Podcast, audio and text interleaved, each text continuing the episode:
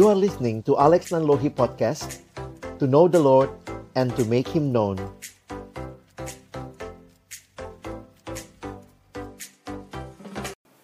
Baik, mari kita berdoa sebelum kita membaca merenungkan firman Tuhan. Kita berdoa. Bapa di dalam surga, kami datang dalam ucapan syukur malam hari ini. Kami bersyukur sekali lagi kesempatan belajar kebenaran firman-Mu boleh menarik prinsip-prinsip penting di dalam pem, dalam pembahasan kebenaran-kebenaran-Mu ya Tuhan. Ketika kami akan membuka firman-Mu, bukalah juga hati kami. Jadikanlah hati kami seperti tanah yang baik, supaya ketika benih firman Tuhan ditaburkan boleh sungguh-sungguh berakar, bertumbuh, dan juga berbuah nyata di dalam hidup kami. Berkati baik hambamu yang menyampaikan, setiap kami yang mendengar, juga diskusi di antara kami. Tuhan tolong kami agar pada akhirnya kami bukan hanya jadi pendengar-pendengar firman yang setia, tapi mampukan dengan kuasa dari rohmu yang kudus, kami dimampukan menjadi pelaku-pelaku firman-Mu di dalam hidup kami, di dalam masa muda kami. Bersabdalah ya Tuhan kami umatmu sedia mendengarnya. Di dalam satu nama yang kudus, nama yang berkuasa, nama Tuhan kami Yesus Kristus. Kami menyerahkan pemberitaan firman-Mu. Amin. Shalom. Selamat malam teman-teman sekalian. Teman-teman saya bersyukur buat kesempatan ini boleh melayani dan tema yang diberikan kepada kita malam hari ini tema yang selalu menarik ya kalau sudah bicara uh, hubungan pribadi dengan sesama begitu ya. Bagaimana juga kita bicara tentang menggumulkan pasangan hidup. Jadi mungkin nanti abang banyak uh, kasih prinsip aja. Selebihnya mungkin nanti kita tanya jawab. Karena saya pikir juga mungkin ini bukan kali pertama kali ya kalian mendapat tema seperti ini atau mengikuti tema seperti ini. Dan tentunya juga uh, kita sudah tahu lah prinsip-prinsip dasarnya bagaimana di dalam Tuhan kita sebenarnya harusnya bisa melihat juga namanya relasi yang mau kita bangun di dalam uh, membina pacaran misalnya sampai nanti kemudian menikah itu harus dibingkai dalam uh, konteks bagi kemuliaan Tuhan. 1 Korintus 10 menyatakan baik engkau makan maupun engkau minum lakukanlah segala sesuatu bagi demi kemuliaan Tuhan. Jadi saya membayangkan kalau makan dan minum yang begitu sehari-hari begitu biasa harus untuk kemuliaan Tuhan, maka juga kita bicara studi, kita bicara berpacaran, kita bicara nanti uh, masuk ke dalam um, rumah tangga, harusnya pun untuk kemuliaan Tuhan. Nah, membingkai ini untuk kemuliaan Tuhan ya prinsip-prinsip dasarnya yaitu harus di dalam Tuhan. Jadi kita nggak diskusi lagi gimana ya bang kalau saya senang sama yang nggak seiman lah diskusinya langsung mati gitu ya. Kalau kita tidak melihat itu sebagai bagian yang penting misalnya ya. Di dalam Tuhan itu jadi satu prinsip dasar ya yang harus kita pahami. Nah, waktu kita bicara when Isaac met Rebecca, nah ini sebenarnya unik gitu ya. Teman-teman, uh, ini sebagai pemantik kita berpikir sebenarnya malam hari ini saya melihatnya Ishak itu sebenarnya salah satu tokoh yang cukup diam di Alkitab ya. Dari tokoh-tokoh lain yang misalnya banyak kutipan langsung dia ngomong, nah Ishak ini termasuk yang paling sedikit ngomong. Ya. Dan bahkan uh, kelihatan pasif gitu ya. Um, dan kalau kita perhatikan Abraham pun juga bapaknya yang mencarikan pasangan hidup bagi dia. Nah, jadi kalau kita bicara when Isaac met uh, Rebecca, lalu kita mau bicara apa dong gimana kita menghayati memilih teman hidup karena ternyata mereka kan uh, dijodohkan begitu ya. Nah, ini kita coba lihat saja uh, bagaimana konteksnya. Jadi kan sebenarnya pengalaman Abraham mencarikan pasangan hidup buat Ishak. Nah, pada masa itu Abraham memberi perintah dan petunjuk kepada hambanya.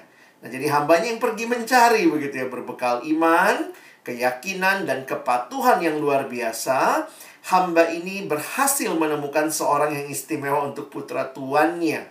Pengalaman hamba Abraham dapat memberikan kita petunjuk dalam mencari calon pasangan hidup kita.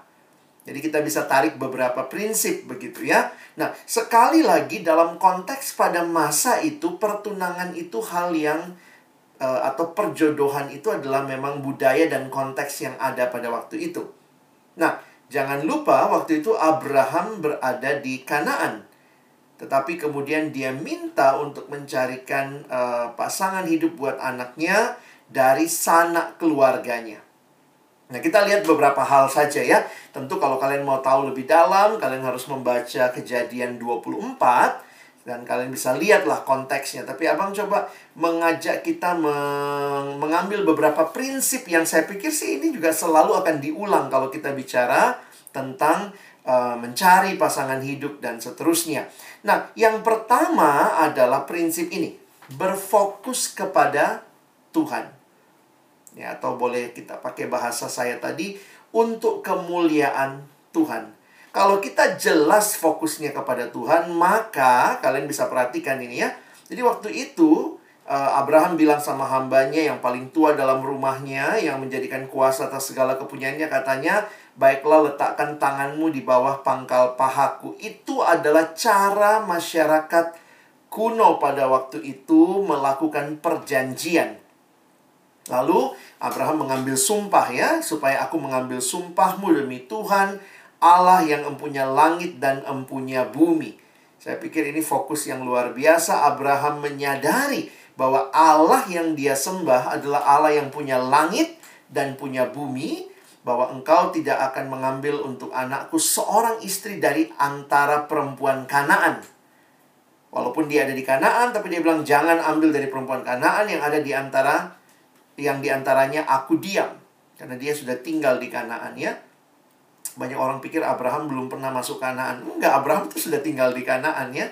Lalu kemudian nanti dia harus keluar atau dia bang keturunannya akan keluar dari uh, Kanaan dan akan kembali lagi masuk ke Kanaan seperti janji yang Tuhan berikan. Nah, ayat yang selanjutnya, tetapi engkau harus pergi ke negeriku kepada sanak saudaraku untuk mengambil seorang istri bagi Ishak anakku. Keyakinan bahwa Tuhan adalah Allah yang mempunyai langit dan bumi bukan berarti tidak ada usaha gitu ya. Tentu ada usaha yang dilakukan, fokusnya tetap kepada Tuhan dan karena itu haruslah uh, mengikuti kali ya pemahaman yang uh, memuliakan Tuhan. Makanya Abraham minta jangan dari perempuan Kanaan yang tentunya menyembah Allah yang lain, tapi mencari fokus kepada orang-orang yang atau sanak keluarganya ya. Jadi bagi saya ini ini prinsip yang penting begitu. Apa sih yang kita mau lakukan dengan pasangan hidup? Cuma mau fun doang, mau dipamerin, mau dibawa belanja jalan ke mall. Kalau kita jelas bahwa ini adalah sebuah relasi yang di dalamnya kita membangun bagi kemuliaan Tuhan dan ini adalah seumur hidup, maka teman-teman harus berpikir dengan serius tentang sesama anak Tuhan. Fokus kepada Tuhan, orang yang bertumbuh di dalam Tuhan. Kadang-kadang saya harus katakan Kristen aja nggak cukup. Dia Kristen yang bertumbuh atau tidak?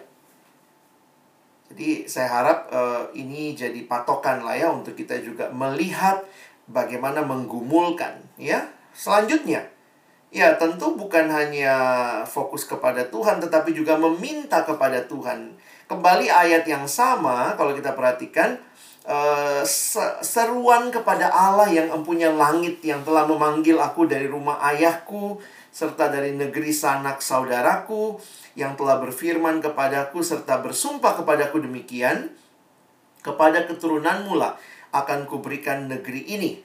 Dialah yang akan mengutus malaikatnya berjalan di depanmu. Nah ya, ini penghayatan Abraham terhadap uh, bujangnya yang akan hambanya akan pergi mencari pasangan buat Ishak. Sehingga engkau dapat mengambil seorang istri dari sana untuk anakku. Jadi kalau diperhatikan Abraham uh, berserulah kepada Allah ya. Tuhan Allah yang punya langit ya, dia berseru, dia berdoa kepada Allah.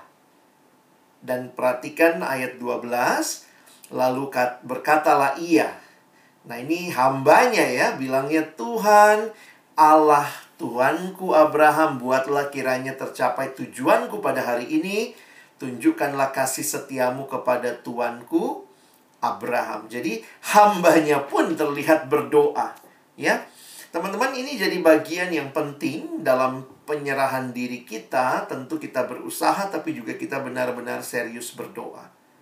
Meyakini bahwa Tuhan tahu yang engkau dan saya butuhkan. Tuhan tahu kapan waktu yang terbaik. Tuhan tahu dan Tuhan juga yang membuka jalan untuk semua hal dan di dalamnya saya pikir kita yang berjalan bersama Tuhan akan menikmati pimpinan Tuhan langkah demi langkah. Lalu yang ketiga, nah ini mungkin juga udah sering kita dengar begitu ya. Pentingnya karakter. Jadi waktu bujangnya hambanya Abraham itu mencari maka terlihat ini ya dalam kerinduan dia dalam doa dia sama Tuhan dia memang mintanya agak spesifik ya di sini aku berdiri di dekat mata air dan anak-anak perempuan penduduk kota ini datang keluar untuk menimba air. Kiranya terjadilah begini. Jadi dia mau minta sama Tuhan ya. Anak gadis kepada siapa aku berkata, tolong miringkan buyungmu itu supaya aku minum. Dan yang menjawab, minumlah. Dan unta-untamu juga akan kuberi minum. Dialah kiranya yang ku kau tentukan bagi hambamu Ishak De, maka dengan begitu akan ku ketahui bahwa engkau telah menunjukkan kasih setiamu kepada tuanku itu. Teman-teman, bagi saya yang menarik adalah ketika hamba itu masuk ke kota tempat Abraham atau keluarganya, sanak saudaranya ada, permintaannya adalah dari ayat ini kita bisa belajar dia memohon orang atau perempuan yang punya karakter. Ya, yang punya karakter baik, ramah, mau membantu, bekerja keras. Karena bayangkan ya memberi minum, memberi minum kepada ternaknya aja udah udah banyak lalu kemudian dia memberi lagi kepada orang. Jadi hambanya ini nggak bilang begini Tuhan nanti yang paling cantik tolong ya itu buat Ishak begitu. Maka yang dia cari tentulah ya namanya kecantikan juga bagian dari keinginan kita atau kegantengan tetapi waktu kita mencari lebih dalam lagi ada masalah karakter dan karakter ini tentunya yang jauh lebih penting. Karena apa? Ketika kecantikan dan kegantengan bisa saja hilang bisa saja menua keriput lalu kemudian tidak seperti awalnya tapi karakter yang baik harusnya terus memancar ya. Nah, jadi saya pikir patokan-patokan ini ya kalau orang lagi bergumul teman hidup ya uh, perlu kita hayati. Bagaimana caranya menghayati, mengerti ini? Ya buka mata, buka mata, lihat sekelilingmu gitu ya. Jangan tinggal dalam kamar berdoa, nggak pernah keluar, nggak pernah bergaul, nggak pernah kenal orang lain, nggak pernah buka diri. Apalagi kita ada dalam kultur yang beda sama Abraham. Kultur di masa Abraham itu per, perjodohan kita itu Tuhan kasih kebebasan seiring dengan kultur atau budaya masyarakat kita yang makin maju dalam arti makin terbuka, maka sekarang kita punya kebebasan untuk memilih. Dan harusnya dengan kriteria-kriteria ini kita tuh masuk dalam pemahaman yang uh, ya silahkan memilih begitu ya. Silahkan membangun relasi, silahkan menjalin komunikasi. Jangan tunggu Tuhan dari surga akan kasih tanda. Nanti tiba-tiba siapa pun yang ketuk pintu ini Tuhan dialah pasanganku. Kalau yang ketuk ibu kos begitu ya. Harusnya nggak begitu. Ya, jadi cara kita berpikir harus lebih luas. Karena Tuhan bekerja di dalam kita juga bertindak dan memilih. Jadi kalau bicara pacaran, sebenarnya ini unik teman-teman ya. Kenapa saya katakan unik? Karena di Alkitab sendiri menyatakan bahwa uh, tidak ada pacaran. Alkitab tidak kenal istilah pacaran. Karena tidak ada dalam budaya orang Yahudi pada waktu itu. Yang ada pada mereka adalah budaya perjodohan. dan setelah dijodohkan biasanya ditunangkan dan ditunangkan itu dianggap seperti sudah menikah. Nah, itu yang terjadi kepada orang tua Yesus kalau teman-teman ingat Maria dan Yusuf dikatakan mereka sudah bertunangan tapi belum hidup sebagai suami istri. Jadi waktu tunangan itu sebenarnya sudah sangat dekat. Lalu kemudian masing-masing masih pulang ke rumahnya sendiri-sendiri. Itu kira-kira satu tahun sebelum mereka bersatu menjadi suami dan istri. Dan di dalam masa tunangan satu tahun itu, mereka harus jaga kekudusan masing-masing. Karena itu ketika Yusuf mengetahui bahwa Maria sudah mengandung dari roh kudus, dia nggak tahu dari roh kudus ya. Dia dengar Maria mengandung langsung ya dia berniat, Alkitab menulis, menceraikan Maria diam-diam. Karena rasanya nggak pas begitu ya.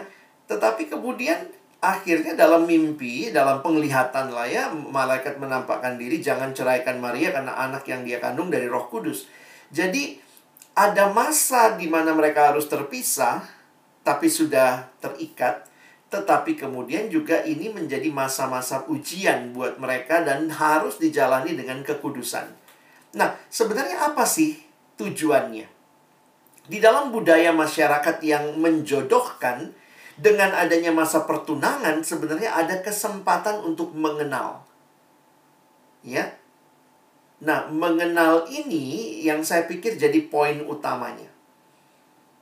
Ada beberapa tradisi budaya, memang ada juga yang langsung ditunangkan kayak Ishak sama Ribka ini langsung ditunangkan, mungkin nggak pernah punya pengalaman mengenal begitu ya. Tetapi ya Poinnya adalah sesudah menikah pasti mereka akan mengenal satu sama lain. Jadi kadang saya memikirkan begini, bahwa di dalam budaya kita maupun budaya mereka sama-sama penting pengenalan. Nah, kita sekarang menaruhnya di depan, namanya pacaran. Jadi kita kenal dulu gitu ya. Nah, jadi poin saya adalah begini. Kalau perjodohan aja ternyata juga nggak asal jodohin, tetapi dari pengalaman hambanya Abraham tadi kita lihat dia fokus sama Tuhan, dia berdoa, dan dia mencari orang yang punya karakter yang baik untuk anak tuannya. Apalagi kita yang sekarang ini juga punya kesempatan untuk mengenal, maka jangan lupa tiga hal ini juga harusnya bisa jadi patokan dasar buat kita.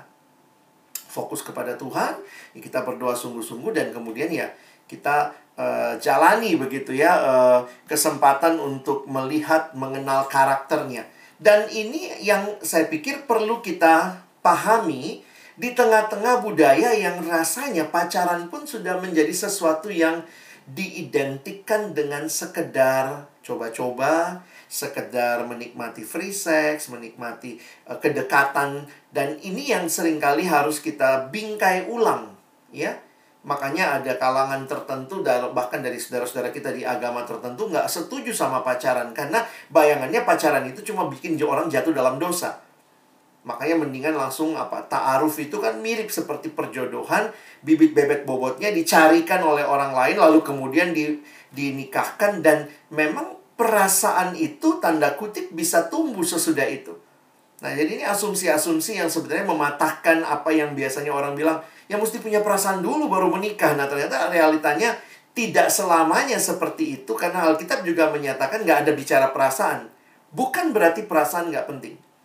Tetapi di dalam uh, budaya pada masa itu ada pengenalan yang kira-kira begini. Ketika pengena pengenalan minimalnya dapat, sebenarnya oke, okay, jalanin. Kira-kira seperti itu ya. Nah, kita banyak yang udah pacaran nggak kenal juga udah 3-4 tahun masih bingung gitu. Dia apa bukan ya bang gitu ya. Kadang-kadang saya jujur aja, e, apa sih yang kalian lakukan dalam tiga tahun pacaran gitu ya? Apakah kalian makin kenal, makin terbuka, makin melihat satu sama lain gitu. Dan itu yang saya pikir hmm, teman-teman harus terbuka untuk melihat lebih luas. Nah, tapi balik lagi bahwa di dalam Alkitab sendiri kita diingatkan ya, bahwa pacaran itu atau mungkin relasi pria dan wanita itu itu misteri. dan ini seni. Ini seni ketimbang teori begitu ya. Makanya di Amsal 30 ayat 18 dan 19 kalau kalian belum pernah tahu ada ayat begini, coba baca baik-baik ya.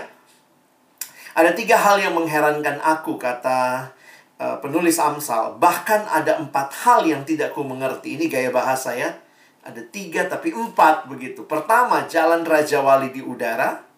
Ada yang pernah kebayang GPS-nya Raja Wali dia mau lewat mana? Yang kedua, jalan ular di atas cadas. Jalan kapal di tengah laut.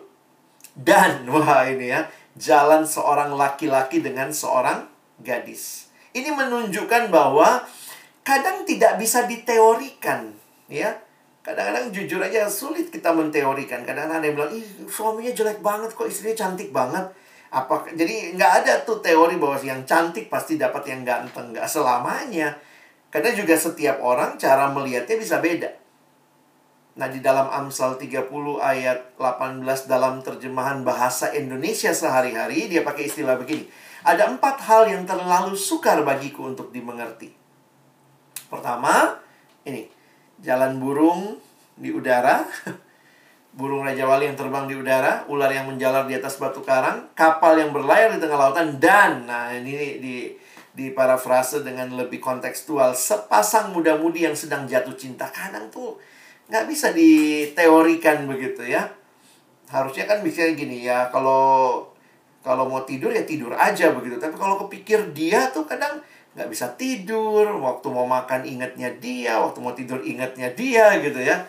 Nah, yang yang jatuh cinta itu sukar dimengerti.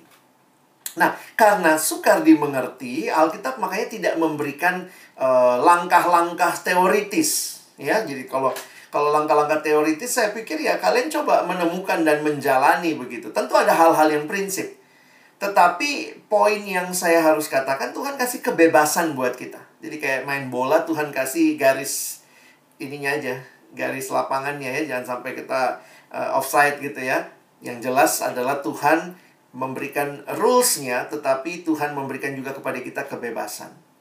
Nah, karena itu saya pikir di dalam menjalani hal-hal seperti ini uh, saya kasih beberapa prinsip pentingnya ya. Yang pertama itu adalah masalah love 1 Yohanes 4 ayat 9 dan 10. Nah, Abang masuk ke ayat ini dulu. Alkitab mengatakan dalam hal inilah kasih Allah dinyatakan di tengah-tengah kita. Yaitu bahwa Allah telah mengutus anaknya yang tunggal ke dalam dunia supaya kita hidup olehnya. Inilah kasih itu, bukan kita yang telah mengasihi Allah, tetapi Allah yang telah mengasihi kita dan yang telah mengutus anaknya sebagai pendamaian bagi dosa-dosa kita. Dunia bicara kasih, tetapi dunia tidak tahu kasih yang sejati. Ketika bicara kasih malah belajarnya dari drama Korea begitu ya, bukan bukan hal itu yang tepat. Karena justru Alkitab berkata bahwa Allah adalah kasih. Kasih dimulai dari Allah. Ketika teman-teman dan saya mau belajar di dalam kasih itu, mau bertumbuh di dalam kasih, harusnya kita belajar dari Allah. Itulah yang kita bisa baca di 1 Yohanes 4 ayat 10. Bukan kita yang lebih dahulu mengasihi Allah, tapi Allah yang lebih dahulu mengasihi kita. 1 Yohanes 4 ayat 16 mengatakan God is love, Allah adalah kasih. Maka menarik untuk memperhatikan setiap kali Alkitab perjanjian baru. Bicara tentang kasih, Alkitab perjanjian baru mengkaitkan kasih itu dengan sebuah tindakan. Makanya ada kalimat frase yang terkenal, love is a verb. Kata kerja. Jadi ketika Alkitab bicara kasih, maka Alkitab berbicara tentang Allah yang mengutus anaknya. Nanti kalian perhatikan ya, di ayat-ayat perjanjian baru secara khusus, hampir setiap kali bicara love, bicara kasih, maka dikaitkan dengan Allah mengutus anaknya. Jadi bisa kita katakan bahwa bukti dari kasih itu yaitu Allah memberikan anaknya. Tindakan ini tindakan apa? Allah memberikan anaknya. Ini adalah sebuah tindakan kasih. Allah membuktikan kasihnya pada kayu salib ketika Kristus digantung berdarah dan mati. Itulah saatnya Allah berkata kepada dunia, I love you. Aku mengasihimu. Sehingga saya mengutip kalimat John Stott yang mengatakan if we are looking for a definition of love, we should look not in a dictionary, but at Calvary. Saya harus katakan penting sekali mengerti kasih Allah seperti apa sebelum engkau dan saya makin bertumbuh di dalam mengasihi sesama. Karena Tuhan mau kita mengasihi sesama dengan kualitas yang sama dengan Allah mengasihi kita. Nanti kalau kalian lanjut ayat yang ke-12 mengatakan kalau Allah mengasihi kita, maka kita pun harus mengasihi satu sama lain. Berarti kualitas kasih kepada sesama itu harus bersumber dari kualitas kasih Allah kepada kita. Dan apakah kasih itu? Dituliskan bahwa kasih itu Allah telah mengaruniakan anaknya yang tunggal. Jadi setiap kali mengkaitkan kasih, maka dikaitkan dengan Allah memberikan anaknya yang tunggal. The one and only. Dan perhatikan arahnya. Tujuannya apa? Allah memberikan anaknya yang tunggal. Ini kasih yang bukan mengambil, tetapi kasih yang memberi. Sehingga yang mendapat untung dari kasih ini bukanlah yang mengasihi, tetapi yang dikasihi. Saya ulangi yang mendapatkan benefit dari kasih ini bukanlah yang di, yang mengasihi, tetapi yang dikasihi. Karena itulah the, the real love. Kadang-kadang orang mengasihi supaya dia dapat sesuatu, itu bukan mengasihi. Perhatikan ketika Yesus mengasihi kita, ketika Allah mengasihi kita, lihat kalimat Alkitab. Tujuannya supaya kita hidup olehnya. Inilah kasih itu, bukan kita yang mengasihi Allah, tapi Allah yang mengasihi kita. Supaya apa? Supaya kita hidup olehnya. Berarti yang dapat benefit kitanya yang tadinya mati di dalam dosa, sekarang boleh hidup. Nah, ayat 10 mengatakan, tujuannya adalah sebagai pendamaian bagi dosa-dosa kita. Jadi tadinya kita terpisah dengan Allah, sekarang kita ada di dalam Allah, kita diselamatkan, kita mengalami didamaikan dengan Allah. Jadi waktu Alkitab berbicara kasih Allah, Alkitab berbicara kasih yang memberi. Makanya ada yang bilang kan bahasa Indonesia tuh paling gampang menjelaskan kasih. Secara bahasa ya. Apa itu kasih? Kasih, ya kasih. Ya, kasih itu apa? Kasih, ya kasih. Love is giving. Love is not taking. If love is taking, taking, taking, that is not love. That is rampoking. Ya. Nah, kalau udah ngerampok, maka saya mengasihi supaya saya dapat sesuatu. Itulah kasihnya dunia. Kasih dunia kadang dikaitkan hanya dengan perasaan, egoisme, mengambil untuk diri sendiri. Dan itu sangat-sangat terbatas. Makanya ketika orang mengatakan dia pacaran, lalu dia bilang, kalau kau mengasihiku, ayo tidur dengan aku. Kalau kau mengasihiku, ayo tunjukkan kemesraanmu dengan aku. Kalau ada yang seperti itu, saya pikir dia nggak nggak bertumbuh di dalam kasih. Karena kasih yang sejati Bukan untuk aku, tapi untuk kamu yang kukasihi. Memberikan untuk yang dikasihi. Sehingga di situ pun kita belajar kekudusan, kebenaran. Ini bukan main-main. Ketika Allah mengasihi dunia, Allah mengasihi kita, kita diminta mengasihi sesama, maka kasihilah dengan kualitas kasihnya Allah. Makanya kalau ada yang bilang, Ya bang, dia bilang kalau aku mengasihi dia, ayo dong minta cium lah, minta pegang, minta main-main di kamar. Waduh, saya bilang itu bukan kasih, dia ngerampok dari kamu. Tapi dia bilang kalau nggak begitu, aku nggak nunjukin kasih. Aku bilang no. Kalau dia sungguh mengasihimu, dengerin, baik pria maupun wanita. Kalau kalian sungguh saling mengasihi, maka buktinya adalah kalian jaga pasanganmu kudus sampai di altar pernikahan. That is the true love. For your sake, Not I love you for my sake. Itu perampok teman-teman. Dan kalau pernikahan itu kudus, harusnya pacaran adalah tahap yang kudus juga. Bukan main-main, bukan coba-coba, tapi kita jelas bicara tentang kekudusan. Nah, jadi secara prinsip kiranya uh, ini memulai kita menolong untuk mungkin berdiskusi ya. Mungkin abang berhenti dulu sampai sini silahkan kalau ada yang mau bertanya. Saya nggak pakai semua waktunya supaya kita bisa uh, mungkin ada yang mau ditanyakan. Silakan. Oke, silakan kalau mau ketik tapi kalau langsung juga biar nggak buang waktu kali deh. Nyalain aja mic-nya. Nggak apa-apa, kalian bertanya kita sudah dewasa ya. Kalau itu pergumulanmu, silakan. Kamu mau pakai orang ketiga, teman saya silahkan juga gitu ya. Tapi belajar bertanya dan uh, bisa jelas dengan pergumulan ini. Silakan. Bang, mungkin saya mau tanya. Oke, Feren silakan. Ya, uh, saya mau nanya, se seberapa penting sih Bang gumulin pasangan hidup sekarang, apalagi kalau misalnya emang kita lagi dalam kondisi um, nggak benar-benar tertarik sama siapa-siapa dan ini kan kayak masih masa-masa kuliah gitu kayak sepenting apa sih bang? Kita udah coba-coba mikirin gitu. Makasih. Thank you. Uh, saya melihatnya bukan masalah sekarang udah siap atau mungkin ada orangnya atau tidak ya, tapi saya melihatnya begini. Kalau ini serius dan juga ini bagian dari mandat Tuhan bagi kita untuk beranak cucu, untuk bagian itu maka walaupun kita belum punya ketertarikan, maka kita berdoa. Ya Tuhan, pertemukan dengan orang yang tepat. Jadi saya pikir karena ini adalah kebutuhan yang kita rasakan, kita sadari, maka berdoalah. Bagi saya itu bu, uh, satu satu respon yang sangat tepat dari orang yang menghayati pentingnya uh, apa ya hubungan dalam dalam pernikahan secara khusus nantinya. Jadi uh, bagi saya nanti kau lihatlah Tuhan bagaimana memimpinmu tapi Mari belajar berdoa. Sama kalau kayak kamu berdoa doain pekerjaanmu, Tuhan aduh pengen kerja di sini nanti pengen pengen apa?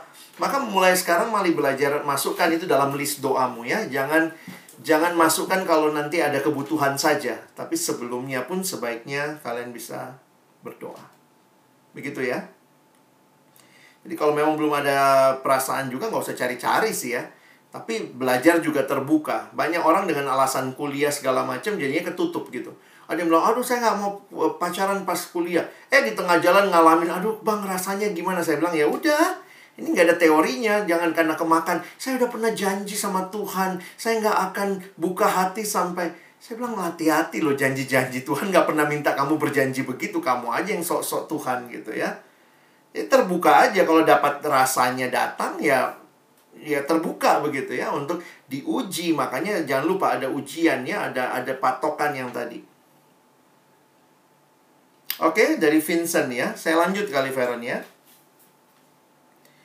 Bang, kalau kita mencari yang seiman, tapi ada kendala faktor sosial.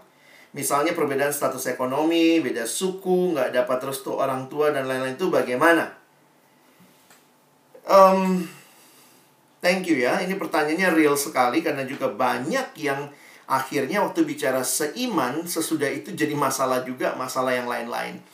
Nah, memang kita harus sangat-sangat melihat dan terbuka melihat bahwa pernikahan di dalam konteks bangsa kita, budaya orang Indonesia itu melibatkan keluarga.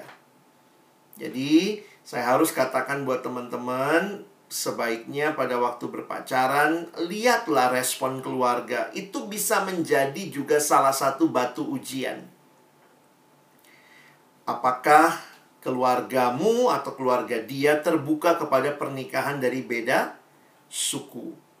Apakah misalnya terbuka untuk pernikahan dari beda latar belakang sosial. Di dalam Alkitab istilah sepadan kalau kalian PA baik-baik kejadian dua sepadan itu sebenarnya paling dasarnya apa? Manusia sama manusia. Karena waktu Adam memberi nama semua hewan, Lalu kemudian Alkitab menuliskan, tapi baginya tidak ada penolong yang sepadan.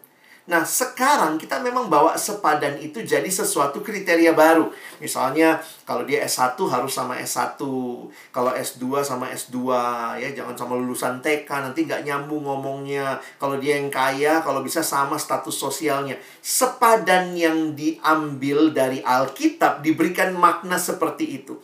Saya jujur aja harus katakan, itu pertimbangan, bukan dasarnya nggak ada di Alkitab. Alkitab tentunya memberikan kepada kita pertimbangan ya, maksudnya pertimbangan ya pikirin lo, lo mau sama yang lulusan TK. Dan itu sesuatu yang berkaitan dengan apa? Berkaitan dengan um, bagaimana misalnya ngobrolnya nanti, nyambung atau tidak, bagaimana ke kehidupan kondisi keluarga. Dan sebenarnya kalau kita mau terbuka jujur di hadapan Tuhan, Tuhan aja nggak memandang hal-hal seperti itu.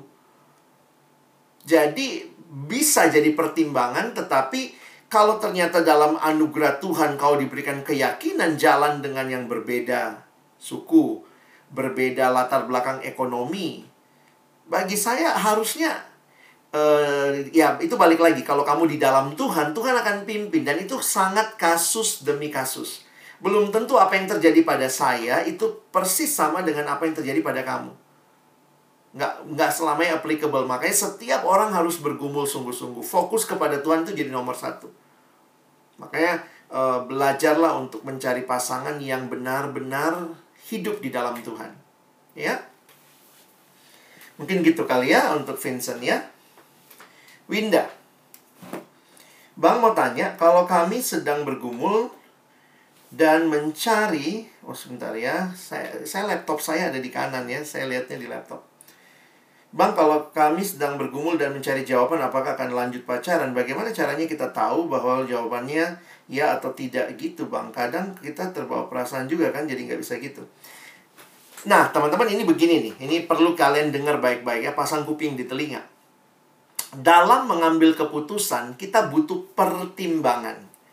Makanya saya pribadi bersyukur ketika melihat dalam kitab Amsal misalnya sangat realistis. Rancangan terlaksana kalau banyak pertimbangan. Nah, poin saya adalah banyak kali ini kita anak persekutuan itu selalu mintanya Tuhan kasih keyakinan, tapi keyakinan yang kita cari juga kadang-kadang agak mistis ya. Minta ayat lah. Padahal jujur aja ya, kalau lagi saat teduh, lagi kasmaran, kayaknya semua ayat juga bicara tentang dia. Hati-hati tuh. Jadi, poin saya bukannya berarti Tuhan gak bisa bimbing lewat saat teduh, tapi memang kita bias lah. Kalau lagi jatuh cinta tuh bias banget denger khotbah, ih kayaknya itu meneguhkan aku gitu ya. Lihat dia lewat aja, oh kayaknya dia gak sengaja, dia pasti. Jadi gampang sekali kita bias seperti itu. Nah, karena itu saya pikir kita perlu meminta Tuhan menunjukkan kepada kita uh, apa ya secara pertimbangan kita sendiri juga perlu lebih lebih aware dengan biasnya kita dan mungkin di sinilah pentingnya komunitas. Banyak orang bergumul tentang pasangan hidup tidak melibatkan komunitas. Bagi saya, nah ini yang sering kali jadi masalah walaupun kita anak PO, deket satu sama lain, tapi kalau bicara pasangan hidup kadang-kadang pada males gitu cerita sama temen sesama PO. Karena ada juga yang bilang gini, habis anak PO kepo-kepo bang. Udah kepo nggak nolongin lagi gitu ya, entah gosipin, entah cie-ciein. Jadi memang jujur aja, kita tuh kadang nggak dewasa dengan uh, situasi seperti ini. Saya makanya mendorong, mari dewasa gitu ya. Termasuk kamu bisa jadi orang yang, kalau memang kamu kenal ya, sama teman KTB atau kalau saya sih melihat kakak rohani juga penting ya. Coba share, tanya. Kak, saya lihatnya begini, ini loh yang saya rasakan. Saya kok rasanya ngelihatnya dia, nah nanti kemudian, nah tapi memang semua itu hanya sifatnya masukan. Pada akhirnya kamu yang harus jalani. Jadi tahu dari mana ini ya atau tidak. Saya pikir begini, kadang-kadang dalam anugerah Tuhan ya, Tuhan izinkan kamu bilang ya, hanya karena memang kamu sangat suka, tapi waktu jalani nanti Tuhan juga akan menolong kamu melihat lebih jauh lagi. Nah, ini yang saya harus ingatkan buat teman-teman. Bergumul itu bukan hanya di awal mau jadian. Ingat ya, bergumul itu bukan hanya mau di awal jadian. Tapi bagi saya, sepanjang menjalani relasi itu sebelum pernikahan, itu semua pergumulan.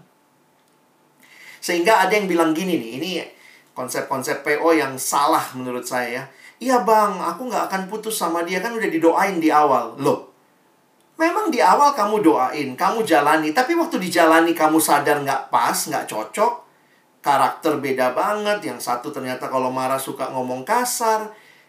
Jangan merasakan sudah didoain. Loh, mesti digumulin lagi. Jadi pergumulan itu bukan di awal jadian saja. Tapi sepanjang menjalaninya itulah pergumulan sebelum menikah ya, sebelum di altar. Jadi kadang-kadang saya pikir gini loh, nggak apa-apa juga jawab iya kalau ternyata nanti jalaninnya enggak ya selesai. Bukan berarti kita punya prinsip yang penting e, nanti boleh putus kok, nanti boleh putus. Saya harus katakan jauhkan itu. Karena saya meyakini bahwa Tuhan pasti bimbing kita, tapi juga kan kadang kita sangat subjektif. Nah, dalam Bagaimana tahu itu ya atau tidak? Ya putuskan dulu. Dari situ kamu akan tahu gitu ya, apakah ini ya atau tidak, melihatnya seperti apa dan nanti Tuhan bimbingnya seperti apa. Kalau kamu terus orang yang bergumul sama Tuhan, kamu terus datang sama Tuhan, kamu terus belajar taat sama Tuhan, kamu terus dengerin nasihat komunitas, saya pikir itu cara Tuhan akan membimbing kamu akan makin jelas. Ya, jadi nggak ada magic uh, ya, nggak ada resep magic gitu ya untuk uh, kalau misalnya tahu dari mana nih ya. Bagi saya tanya sama orang-orang. Nanti orang bilang, ah lu bias lu aja kayaknya sangat suka sama dia atau apa. Atau bahkan saya beberapa kali juga gini. Kita kasih nasihat, dia pengen banget. Saya bilang jalanin aja dulu, coba aja dulu. Nanti waktu kamu coba, saya juga akan lihat kamu makin bertumbuh nggak, makin dekat sama Tuhan nggak, atau pacarmu jadi berhalamu nggak. Saya beberapa kali jadi PKK tuh, AKK tuh ngotot mau pacaran sama orang yang kita kalau lihat sekilas, enggak deh. Tapi dia mau, dia bilang ini, kita bilang enggak pun dia jalanin. Jadi kadang-kadang saya dalam anugerah Tuhan, jalanin lah silahkan. Kalau salah ya Tuhan akan tunjukin kamu salah. Dan saya akan jadi orang yang terus akan menolong kamu untuk melihat apakah tepat melanjutkan relasi. Ada yang memang dari awal saya lihat nggak tepat, tapi ada yang saya awalnya lihat nggak tepat, waktu mereka jalani mereka bertumbuh loh. Jadi ini yang kadang-kadang abang pikir gini, nggak ada teorinya bener. Yang kita harus lihat adalah bagaimana relasi itu bertumbuh dalam Tuhan, ya. Jadi uh, ya jujur aja saya harus katakan eh, kadang-kadang kesannya sangat manusiawi ya pertimbangan-pertimbangan kita, tapi bagi saya itu cara-cara Tuhan juga gitu, ya. Laura, Bang mau tanya, menurut Abang, apakah takdir itu ada? Terutama dalam memilih pasangan. Kekristenan tidak mengenal takdir. Takdir itu ada dalam agama yang lain. Kita mengenal kehendak Tuhan. Dan di dalam bicara kehendak Tuhan, Alkitab ternyata menyisakan ruang untuk kita memilih. Jadi kalau ditanya begini, ada jodoh nggak? Itu kan kadang-kadang kita bicara jodoh, Tuhan sudah tentukan. Saya harus katakan dalam mengerti teologi ya, ada. Karena Tuhan merencanakan, Tuhan mengatur segala sesuatu. Tapi kita bebas memilih nggak? Iya juga. Karena di dalam anugerah Tuhan, dalam mencari kehendak Allah, kita bukan kayak robot yang akan terima jadi. Tapi Tuhan bilang berdoa, bergumul. Nah ini misteri memang ya antara uh, kehendak Allah dan kehendak bebas kita, tetapi saya melihatnya di dalam anugerah Allah ini jadi sesuatu yang berjalan beriringan. Sejauh kita dipimpin oleh Tuhan, makanya ada lagu yang bilang begini. Pimpin aku masuk rencanamu. Jadi pilihan-pilihan kita biarlah Tuhan genapkan masuk ke dalam rencana Tuhan yang dia sudah sediakan bagi kita. Ya, Nah, tapi itu topik lain ya, mengetahui kehendak Allah itu topik besar, nah mungkin bisa dibahas di lain waktu ya, tapi karena itu kalau orang bilang e, sudah ada jodohnya, nanti ada jodohnya, saya bilang enggak juga, cari. Karena itu perspektifnya Tuhan. Kita kan nggak punya perspektifnya Tuhan. Maksudnya begini, ya ini kebiasaan kita, kita tuh maunya tahu kehendak Allah. Gue pengen tahu dong Tuhan gue merit sama siapa nanti anak gue berapa hidup gue bagaimana. Tapi kan nggak begitu cara Tuhan memimpin. Tuhan pimpin itu step by step. Jadi yakini Tuhan punya rancangan. Tapi menjalaninya kamu punya pilihan. Dan ini membuat kita tenang memilih karena kita tahu bahwa kalaupun kita salah pilih, Allah yang kita sembah, yang punya rencana yang indah sanggup membawa kita balik. Nah ini yang uh, kadang orang pikir kok abang jadinya terbuka banget. Saya bilang ini bukan masalah terbuka, karena kita nggak nggak sepenuhnya paham, nggak sepenuhnya tahu apa yang memang Tuhan sudah sediakan buat kita. Jadi kadang-kadang kita pilih dulu gitu. Waktu kita pilih ternyata bukan itu ya pasti kalau kita taat Tuhan bawa kita keluar. Atau ternyata waktu kita pilih itu walaupun kayaknya nggak masuk akal, eh ternyata itu memang yang Tuhan mau. Jadi ini ini indahnya dipimpin oleh Tuhan ya. Relasi dengan Tuhan penting untuk kamu pun bisa memutuskan relasi dengan sesama. HPDT itu kunci membangun HPDS. Natania. Bang, aku mau nanya, Ketika kita masih tahap naksir orang nih, cara berdoa yang benar untuk orang tersebut gimana? Mendoakan soal hubungan kita ke depan atau gimana, Bang? Bagi saya gini ya, waktu mendoakan cari informasi, jangan cuma doa ya, cari informasi ya. Pertama, cari informasi dia sedang punya pergumulan juga nggak, sedang berdoa untuk orang lain nggak. Nah, kalau jelas dia sedang berdoa buat orang lain secara etika, stop dulu berdoa. Karena bagi saya, e, nanti itu jadinya tidak etis. Ya, jadi maksudnya gini, e, kalau kita nggak tahu gimana ya, kalau nggak tahu ya silakan berdoa. Tapi yang didoakan apa? Ya didoakan begini ya, Tuhan, kalau saya doanya sederhana ya, kalau dia darimu, dan aku buat dia Tuhan pertemukan kami doakan kesempatan bertemunya kalau nggak pernah ketemu atau tutup apa jalin relasi gitu ya. Jadi doakan kesempatan kesempatan ketemu jalin relasi doakan kesempatan bisa ngobrol mendalam. Nanti kan sesudah itu doanya berkembang. Tuhan aku udah deket nih Tuhan tolong supaya kalau dia laki-laki ya dia nyatain dong gitu. Mau ke mana hubungan kita udah deket-deket begini? Jadi doanya ikutin pertahapan tahapan pengenalan kali deh ya. Kalau abang pikir seperti itu ya. Nah tentu kalau mau doain masa depan silahkan lah berdoa. Tapi ya uh, Tuhan pun meminta kita lihat situasi, kondisi nih. Ya misalnya Tuhan aku udah dapat nomor HP-nya nih. ya doain Tuhan kalau aku WA dia bales ya. Misalnya itu kan doa-doa yang simple dan sederhana ya. Jangan jadi orang Kristen terlalu aneh-aneh gitu ya. Lakukan step by step. Yesi, Thank you. Yesi Harjo. Bang mau tanya, sering banget ditanya sama teman-teman agama sebelah, orang Kristen boleh nggak sama orang Katolik? Kan Tuhannya sama, makasih bang. Nah ini pembahasan yang besar juga ya. Bicara tentang protestan Katolik, sejauh kita mengakui pengakuan iman yang sama, saya pikir sih prinsipnya, secara prinsip ya Tuhan adalah Tuhan dalam Kristus Yesus kan. Jadi kalau itu jadi bagiannya yang kita pegang sama-sama, bagi saya harusnya kita bisa mengatasi perbedaan-perbedaan yang ada karena memang kalau ham, sampai harus masuk ke tahap pernikahan harus memilih. Harus ada yang berkorban tinggalkan gerejamu masuk ke gereja yang satu karena agak sulit ya. Kadang-kadang saya pikir um, sesama Kristen malah bisa jadi lebih sulit karena setiap gereja punya tata caranya masing-masing dan itu ada baiknya karena tata cara itu menjaga juga supaya orang punya gereja lokal yang dia menetap di situ. Nah, tapi ketika menikah maka saya pikir itu harus dibicarakan. Nah, makanya sebenarnya Abang suka men menarik garis bawahnya atau basicnya. Saya lebih suka begini. Harus yang Kristen bertumbuh. Jadi dia terima Yesus, dia kenal Yesus dan dia bertumbuh dalam Tuhan. Sesama Protestan ada juga loh yang nggak bertumbuh, cuma asal Kristen.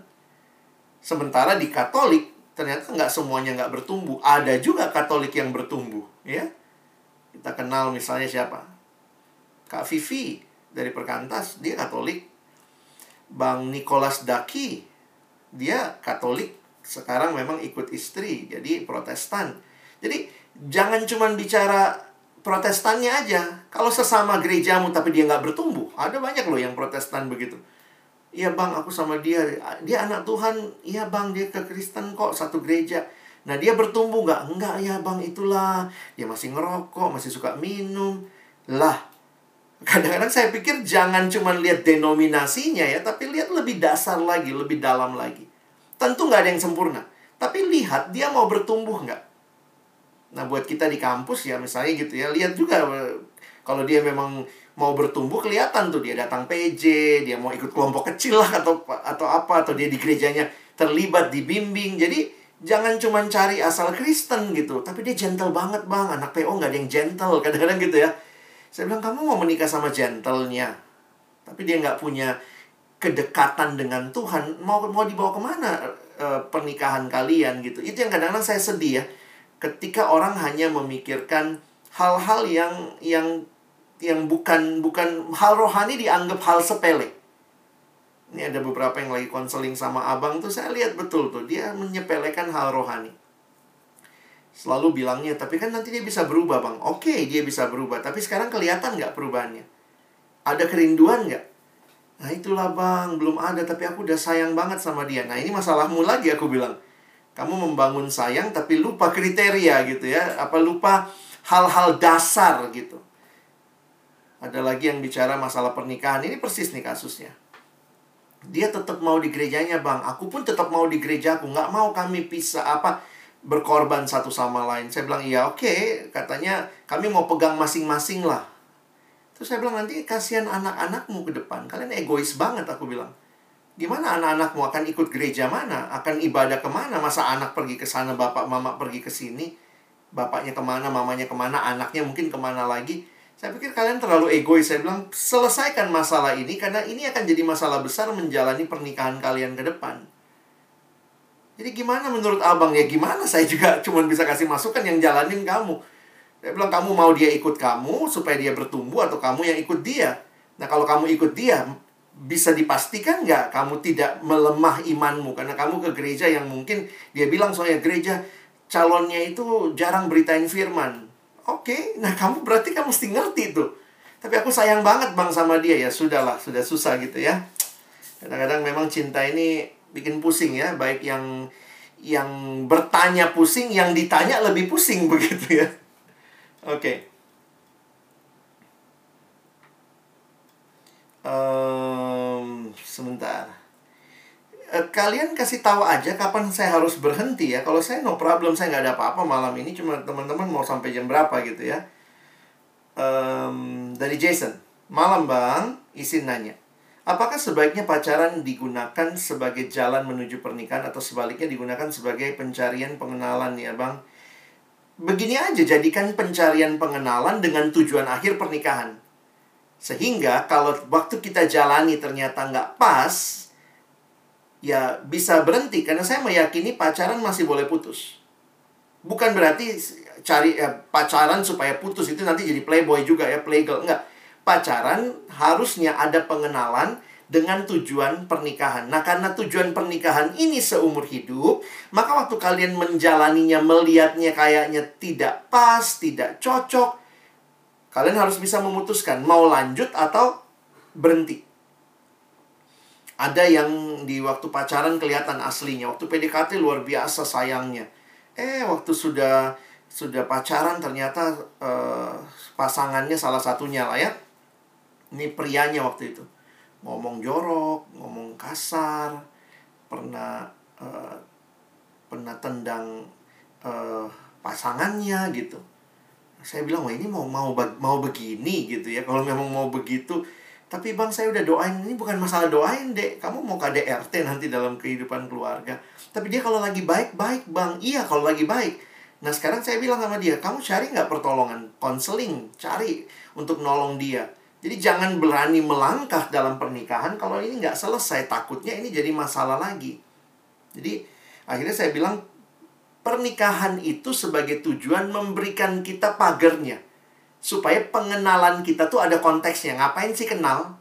Ini mau ngapain? Mau kenal-kenalan buat kenalan doang. Kalau cuma buat kenalan demi kenalan, sahabatan aja, jangan pacaran ya tapi kalau memang jelas untuk menikah pacaran tujuannya pernikahan nah itu bisa membingkai waktu yang kamu habiskan untuk mengenal ada tujuannya pengenalan itu ya oke nah ini pertanyaan terakhir berarti ya dari Kevin Rompas Shalom bang mau tanya bagaimana pendapat abang perihal kehadiran pacar virtual oke yang ini ya pacar virtual yang semakin banyak oleh sebab perkembangan iptek yang semakin pesat. Apakah ini sesuatu yang baik atau buruk? Ini bukan masalah jujur aja ya, saya juga lagi baca-baca beberapa hal gitu ya dan sebenarnya dalam teologi juga ada pembahasan soal itu ya. Ada satu teman baru bikin skripsi dari STT tentang hal ini. Dia bicara soal transhumanism. Satu istilah yang lagi populer sekarang ya Nah, dia berusaha melihat itu secara teologis. Poin yang saya lihat sebenarnya ini hanyalah refleksi dari kesepiannya manusia berdosa. Manusia berdosa yang kesepian membutuhkan teman ngobrol, teman curhat yang sangat mengerti dia. Jadi lihat ya, sebenarnya per, per, perkembangan artificial intelligence seperti ini mau mau membuktikan bahwa manusia itu mau dimengerti. Nah, sayangnya dia mau dimengerti dan akhirnya yang bisa mengerti dia tentunya yang apa ya? yang menerima dia. Dan semua yang virtual-virtual itu pada akhirnya kan menyenangkan yang yang ini ya. Jadi kan pacar virtual itu akan selalu ngerti kita, nggak kayak pacar beneran ya. Yang tiba-tiba bisa marah, bisa ngambek padahal nggak ada hujan, nggak ada badai. Tapi yang virtual itu kan akan selalu do as what we command. Jadi bagi saya ini nggak real. Ingat, sekali lagi itu tidak real. Dan tujuannya apa? Kadang-kadang ada teman juga kalau malam-malam udah sepi, aduh nggak tahu mau ngapain ngobrol sama halo Google, uh, apa gitu ya. Saya bilang kadang-kadang kok sedih banget hidup lo ya. Ya karena teman yang real itu susah bang. Gue takut ditolak begitu. Nah saya pikir pertumbuhan terjadi ketika kita berani membangun relasi. Sementara ketika virtual-virtual ini yang hanya memuaskan, mengiyakan semua yang kita mau, itu nggak membawa pertumbuhan kita makin egois dan makin self center jadi jujur aja kalau pacar virtual ini ya saya lihat nggak ada akhirnya ya. Saya baca sedikit lah ya dua pertanyaan terakhir supaya kalau bisa saya jawab satu kali. Uh, terkait luka-luka masa lalu ini dari Dio ya yang ada di tiap pribadi untuk saling kenal kejiwaan pasangan sejauh mana sih bang semua kita punya masa lalu, tetapi dalam Kristus kita punya masa depan. Karena dalam Kristus masa lalu itu kita diampuni, didamaikan. Jadi belajarlah untuk melihat masa lalu bukan sebagai momok untuk tidak maju. Nah, di dalam beberapa pertolongan yang disediakan untuk orang-orang yang berpacaran dan kalau mungkin punya masa lalu yang sulit, maka cari konselor Kristen di dalam uh, Jakarta khususnya itu banyak konselor ya karena ada orang-orang yang secara teologi sekolah konseling. Jangan berpikir yang konseling itu orang yang punya masalah saja. Sebenarnya setiap kita butuh dalam tahapan perkembangan kita di konseling secara teratur untuk menolong kita. Nah, beberapa bisa kontak uh, abang gitu ya. Kalian bisa saya refer ke sekolah teologi yang memberikan layanan konseling kepada pasangan yang berpacaran. Jadi untuk yang berpacaran, coba datang di konseling begitu ya supaya bisa lihat. Nah, ini menolong kamu nggak wasting banyak waktu kalau ternyata ada hal-hal yang sangat berbeda, mungkin konselor akan memberikan pertimbangan. Kalau kalian lanjut ini nih masalahnya. Kalian harus hati-hati, ini bakal ini dan ini. Kalau kalian mau lanjut, ini yang mesti diberesin. Jadi, bagi saya itu kayak memotong banyak karena waktu kita mengenal, nah ditolong oleh orang-orang yang konseling ini yang memang punya ilmunya, dia bisa melihat nih, dengan masa lalumu, kamu perlu untuk atasi ini dalam hidupmu. Nah, kamu ini gitu. Nah, jadi ada beberapa sekolah teologi yang punya jurusan konseling itu membuka konseling untuk yang memulai pacaran atau menjalani pacaran. Jadi beberapa dari mereka mengatakan kadang-kadang udah mau nikah baru konseling ternyata beda banget, itu ternyata PR banget, itu harusnya diberesin dari awal-awal pacaran. Jadi bagi saya ini menarik juga gitu ya untuk kita terbuka. Nah, kalau kalian punya kakak, abang yang jadi pemimpin rohani, mengkonseling dan seterusnya, saya pikir itu juga menarik ya untuk bisa menolong kamu maju. Sebenarnya saya punya KTB dengan teman-teman yang couples, yang KTB keluarga ya. Jadi kami sebenarnya itu memberi diri juga untuk misalnya um, menolong lah ya, walaupun memang dengan keterbatasan dulu biasanya kami berharapnya kalau offline jadi misalnya uh, makan siang dengan satu couple gitu ya misalnya saya dan istri makan siang dengan satu couple ya kita untuk kenal terus bisa kasih pandangan bagaimana membangun relasi. Lalu ada teman-teman saya yang lain ada Kak Afia Mas Oka ya mereka juga kita kepikir sih melakukan itu ya untuk menolong generasi ini gitu yang serius berpacaran. Tapi uh, saya pikir sebelum itu terjadi mungkin cari dulu ya PK kamu yang deket-deket gitu ya. Kalau kami ya bersedia juga cuma tergantung waktunya tentunya. Oke, dari Gabriela yang terakhir ya. Selamat malam, saya mau bertanya mengenai kita yang udah mencari dan kita yang membuka relasi dengan orang lain, membuka pertemanan. Tapi ternyata kita belum temukan yang pas dan jadinya sekarang ya udah gitu Bang, kayak lebih kalau ada yang sudah, kalau ada yang sudah, kalau enggak ya sudah. Kalau ada ya ya udah, kalau enggak ya udah. Jadi baiknya gimana? Ya nanti kapan-kapan kita bahas lagi yang lebih jauh ya, tapi sebenarnya prinsipnya gini deh. Kadang kita cari yang pas buat kita. Kita sibuk cari yang pas buat kita, tapi sebenarnya yang perlu kita lebih sibuk adalah menjadi yang pas buat orang lain. Jangan-jangan, nah itu kan sebenarnya kasih itu, kasih itu kan bukan cari yang pas buat saya.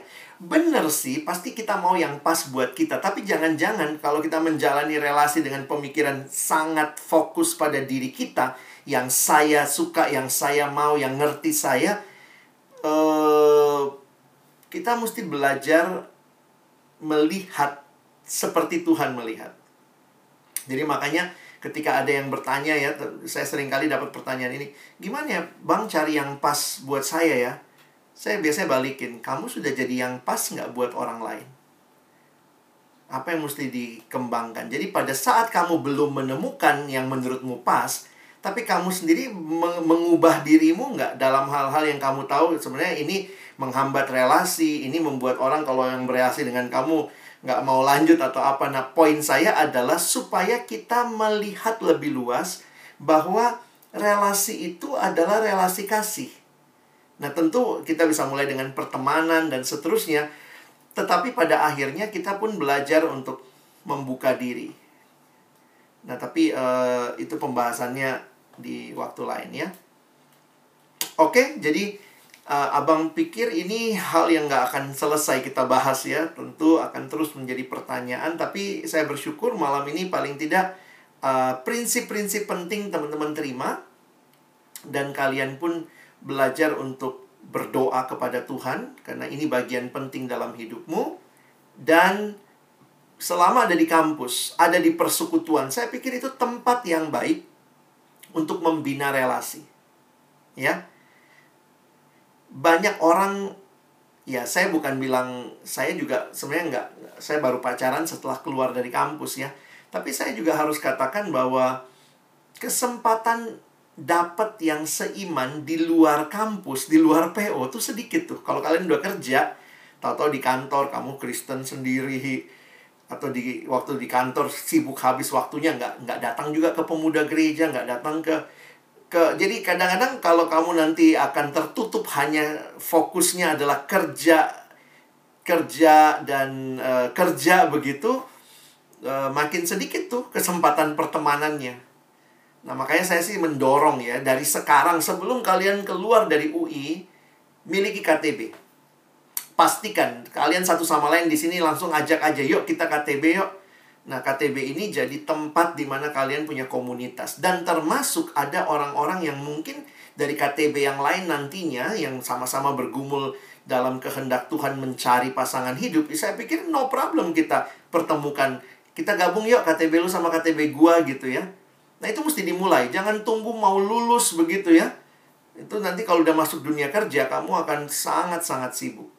Jadi ciptakan kesempatan untuk mengenal. Karena saya pikir kalian kan harus cari pasangan hidup. Nah carinya di mana? Carinya di PO dong. Masa cari di diskotik? Jadi kalau orang bilang ke PO cari cewek, saya bilang satu sisi benar.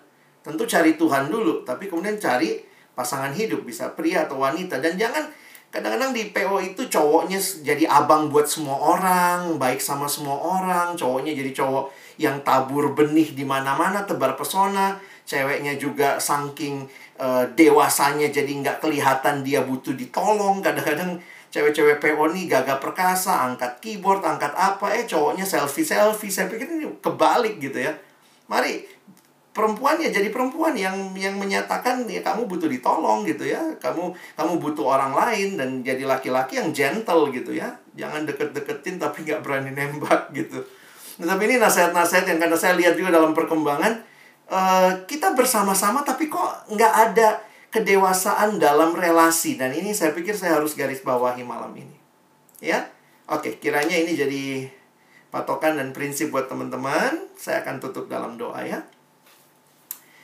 Tuhan terima kasih malam hari ini kami pun belajar apa yang kami lihat dari firman-Mu dan apa yang kami boleh tarik sebagai prinsip di dalam kehidupan kami, baik kami yang sudah menjalani relasi dengan lawan jenis dalam berpacaran atau PDKT, maupun kami yang merasa belum ada ketertarikan, belum membutuhkan, tetapi kami sadar ini bagian yang Tuhan juga percayakan bagi kami. Kami mau terbuka untuk berdoa, dan kami mau terbuka untuk juga belajar mengenal lebih luas. Jadikan PO jadi tempat di mana kami menikmati juga relasi-relasi yang bertumbuh seperti ini. Dan kami pun berdoa supaya kami punya komunitas yang baik, yang menolong kami bisa terjaga, terpelihara. Hamba berdoa bagi adik-adik di PSPO secara khusus juga Jadikan wadah ini juga kesempatan mereka bisa bertumbuh dalam Tuhan.